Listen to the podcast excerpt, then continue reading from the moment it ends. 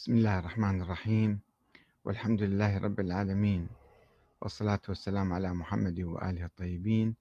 ثم السلام عليكم أيها الأخوة الكرام ورحمة الله وبركاته. أحمد الكاتب يتذكر الحلقة السادسة والعشرون. في الطريق إلى الهند اعتقال في باكستان. كان لدى الحركة المرجعية الرسالية فروع عديدة في بلاد مختلفة ومنها فرع في مصر فرع شيعي في مصر. ولكن الحكومة المصرية في زمن الحرب العراقية الإيرانية كانت تضيق على الشيعة وتراقبهم وتحول دون اتصالنا بهم اتصالا يعني مستمرا ووثيقا. فقررنا في الحركة يعني إنشاء مدرسة خاصة للمصريين في الهند في بونا. منطقة أو مدينة تسمى بونا. بالتعاون مع كوادرنا في المنظمة في الحركة من السعوديين من الأخوة السعوديين والكويتيين والعراقيين. وجلبنا عددا من الأخوة المصريين لتكريس الثقافة الشيعية لديهم. وتقرر سنة 1988 بعدما عدت من السودان وأسسنا فرعا يعني في في الخرطوم. آه، قررنا آه، أن أسافر للتدريس فترة من الوقت هناك. في هذا الوقت كانت تصلنا بعض نشرات ومجلات المجاهدين الأفغان وخصوصا تلك التي يصدرها الشيخ الفلسطيني عبد الله عزام كمجلة الجهاد وكانت مشحونة بالعداء للشيعة والتشيع فكانت تؤلبنا كثيرا وتعطي مردودا سلبيا وتشحننا للقيام بالرد والدفاع ونشر التشيع. لذلك ذهبت إلى باكستان ومررت على بشاور وحاولت أن أزور مخيمات الأفغان وخاصة الحزب الإسلامي في بشاور فلم أوفق آه، للقاء السيد حكمة يار. وخرجت من إيران هذه المرة بجواز سفر سعودي نظيف جدا وجديد من طباعة المنظمة. ودخلت باكستان به ولكن عند المغادرة من مطار كراتشي أثار هذا الجواز النظيف الجديد انتباه ضابط الجوازات. فطالبني بإثبات شخصيتي وفيما إذا كنت أحمل أي وثيقة سعودية. ولما أجبت بالنفي قال إذا يعني شك بالجواز ولم يستطع مسك يعني ملاحظة أو مكان تزوير أو شيء لأن جواز مثل أي جواز سعودي. قال إذا نراسل السفارة السعودية للتأكد من صحة الجواز. وربما كان الضابط يود أن أناوله رشوة ولكني في الحقيقة لم أجرؤ على تقديم أي رشوة إليه وأصررت على صحة الجواز. وبعد ليلة أمضيتها في التوقيف جاء أحد الأصدقاء الباكستانيين وتكفلني بعشرة ألاف روبية. وكان علي أو على الحركة أن نضحي بهذا المبلغ وأهرب من باكستان وأعود إلى إيران بأي طريقة. فاتفقت مع صديق باكستاني آخر أن يوصلني إلى مدينة كويتا أه، ومنها اتفقت مع صديق أفغاني أوصلني إلى الحدود. وسلمني إلى عصابة لتهريبي إلى إيران. عصابة كانت متخصصة بتهريب الأفغان. وقال هذا الأخ الأفغاني إنه سيلتحق به بي فيما بعد. فرفضت التحرك خطوة واحدة بدونه لأنه لم أطمئن لهذه العصابة. وقررت أن أتشبث بالأخ الأفغاني مهما كلف الثمن. وجاء المهربون على دراجات نارية كبيرة. وجلست خلف واحد منهم. وأوصاني هذا الأخ الأفغاني بالادعاء بأني, بأني إيراني إذا وصلت الأراضي الإيرانية. قال إذا وصلتم للأراضي الإيرانية فقل أنا إيراني. هكذا علمني.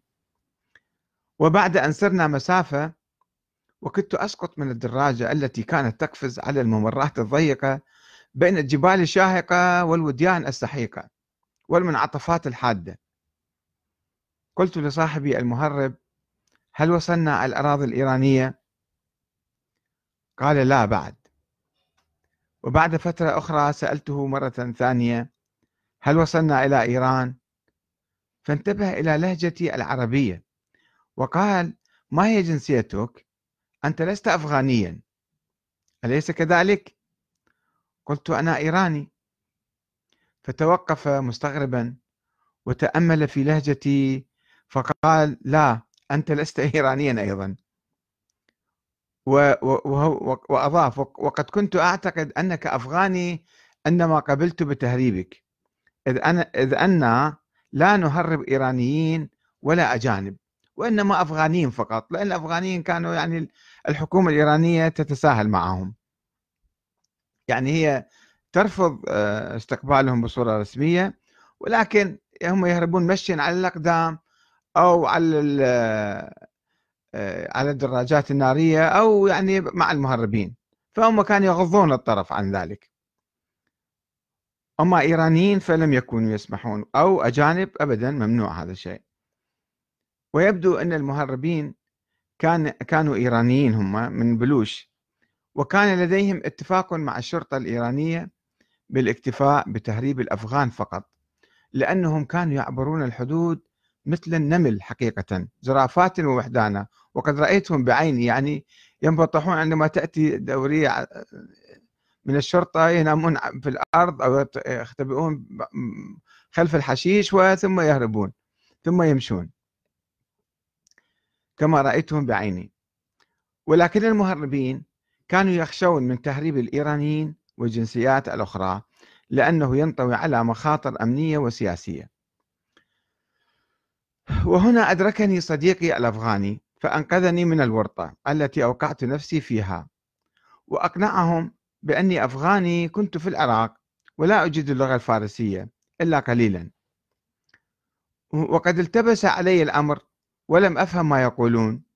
ظلوا يتناقشون فيما بيناتهم. وسرنا وطوينا مسافة أخرى حتى جن الليل فتوقفنا لصلاة المغرب مرة في الحدود الإيرانية كنا. وكان المهربون جميعا من أهل السنة البلوشيين ملتزمين بصلاتهم بدقة. رغم أنهم كانوا يحششون ولا يتطهرون ويهربون المخدرات على الدراجات. وقال لي أحدهم أنه ارتكب كل ما يخطر ببالي من جرائم. ولكني أصلي. وبينما كنت أصلي المغرب أنهى المهربون صلاتهم بسرعة وركبوا دراجاتهم وانطلقوا بعيدا عني وتركوني وحيدا بين الوديان والجبال على الحدود الإيرانية. ولم أجد من أستغيث به إلا الله تعالى. فأنهيت صلاتي وكنت أستطيع رؤية شارع إيراني من بعيد ولكن لا يمكنني الوصول إليه. وبعد ساعة عاد المهربون ومعهم صاحبي الأفغاني الذي يبدو يبدو أنه أقنعهم مرة أخرى بإيصالي إلى الهدف المحدد وهي مدينة زاهدان. فحمدت الله تعالى وركبت معهم. وكانوا يستطيعون رؤية آثار العجلات آه، في الظلام الدامس وتمييزها عن آثار العجلات الحكومية الدورية. حتى يكتشفوا أنه في دوريات مختبئة هناك في تلك الجبال أو لا. وبعد فترة من السير توقفوا ونزلوا عن دراجاتهم وطلبوا مني النوم على الأرض. فاستجبت لهم ولكني في الحقيقة لم أنم إلى الصباح خوفا من أن يتركوني مرة أخرى في جبال قاحلة لا ماء فيها ولا شجر ولا حيوان ولا إنسان. وفي الصباح تقدم أحدهم واستطلع الطريق. كان يذهب بدون أي حمولة من المخدرات أو من الأشياء المهربة. يذهب وحده كأنه ذاهب إلى قريته مثلا. ويستطلع الطريق وإذا ما شاف يعني شيء من الشرطة أو كذا يعود فيخبر أصحابه ويحملون آه، الأشياء المهربة معهم ويسيرون. ثم عاد ليطلق إشارة الرحيل. ومررنا على قرية لهم في الجبال وفيها سمعنا من خلال الراديو بمقتل الرئيس الباكستاني ضياء الحق في ذلك اليوم. فتأسف المهربون لمقتله كثيرا وكادوا يبكون. يعني كانوا مرتبطين بباكستان ومرتبطين بضياء الحق باعتباره زعيم سني أو باعتباره يعني كان يحتل مكانة خاصة عندهم. ثم وصلنا إلى مشارف زاهدان. فتوقفنا وغسلنا وجوهنا من جدول صغير وفاجأتهم بأن أخرجت من شنطتي عمامة وجبة وعباءة فارتديتها وركبت خلف صاحبي على دراجته وكأني شيخ قادم من التبليغ في بعض القرى. ودخلت مدينة زاهدان من دون أن يسألني أحد عن هويتي في الحواجز رغم أني لم أكن أحمل أي أوراق ثبوتية لأن جوازي بقى في باكستان. ثم أخذت باصا من زاهدان إلى طهران أيضا دون أن يستوقفني أحد طول هذا الطريق. ولم يكن في الحقيقة ثمة خطر علي من قبل الإيرانيين فحتى لو اعتقلوني فسوف أخرج سريعا لأن جوازي العراقي كان موجودا في طهران. وفي نفس هذه الفترة كانت الحكومة الكويتية تضغط على الشيعة كثيرا نظرا لتحالفها مع العراق في الثمانينات. وكنت في تلك الأثناء أشرف تنظيميا على مجموعة من الطلاب الكويتيين الذين يدرسون في حوزة القائم. ففكرت معهم بإطلاق حملة ثقافية مضادة ووضع خطة لتشييع الكويت وذلك بطبع مليون نسخة من مئة كتاب شيعي مهم من أهم الكتب الشيعية وتوزيعها بشكل منظم على الموظفين والمثقفين والمعلمين والصحفيين وطلاب الجامعات في الكويت املا إما بتشييع قسم من هؤلاء بعد والحوار معهم طبعا من خلال تنظيمنا في الكويت. املا بتشييع قسم من هؤلاء أو كسبهم واستمالتهم. يعني إذا ما يصبحون شيعة يصبحون قريبين متفهمين للشيعة يحترمون عقائد الشيعة يتفاهمون معهم. أو تحييدهم على الأقل.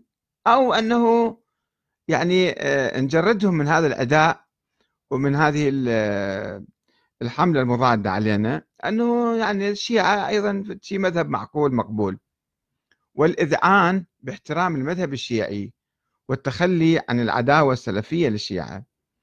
ولكن الخطة بقيت حبرا على ورق. وإن كانت في الحقيقة الحركة المرجعية يعني منذ أن جاء السيد الشيرازي إلى الكويت بدأنا نطبع كتب شيعية في في الكويت ونطبع في بيروت أو نطبع في الكويت. إحنا عندنا مطبعة خاصة في مدرسة رسول الأعظم. بال يعني copy نسوي الكتب ونطبعهن ونوزع. كنا نقوم بحركة ثقافية يعني ما كان فيها حركة سياسية إلا هي قضية الشيعة والتشيع. فكان آه، عندنا بذور أو مقدمات أو يعني آه، يعني كنا نقوم بهذا بهذا العمل. ولكن الخطة اللي وضعناها آه، أو اقتراحات يعني لتكثيف الخطة أكثر وطبع مليون كتاب. مليون كتاب طبعا راح تسوي تغيير لو كنا طابعين. هذه كانت تعمل في أي بلد مثل بالكويت 3 4 ملايين سكان الكويت كانت تعمل يعني صدى كبير في الكويت. ولكن آه، الحرب استمرت والظروف لم تسمح بذلك. والآن طبعا هم استمروا تلاميذي مثلا بعضهم التلاميذ اللي علمتهم الكتابة أو كنت أنظمهم من الأخوة الكويتيين هم استمروا في العمل هذا. الآن يشوفون هاي القنوات الفضائية اللي آه، آه، أنوار واحد وأنوار اثنين والقنوات الشيعية الشيرازية يعني قسم من مدراءها أو محرريها أو أو كتابها أو كذا. هم كانوا من تلاميذي سواء في حوزة أو في التنظيم قسم الكويت. والسلام عليكم ورحمة الله وبركاته. وإلى حلقة أخرى إن شاء الله.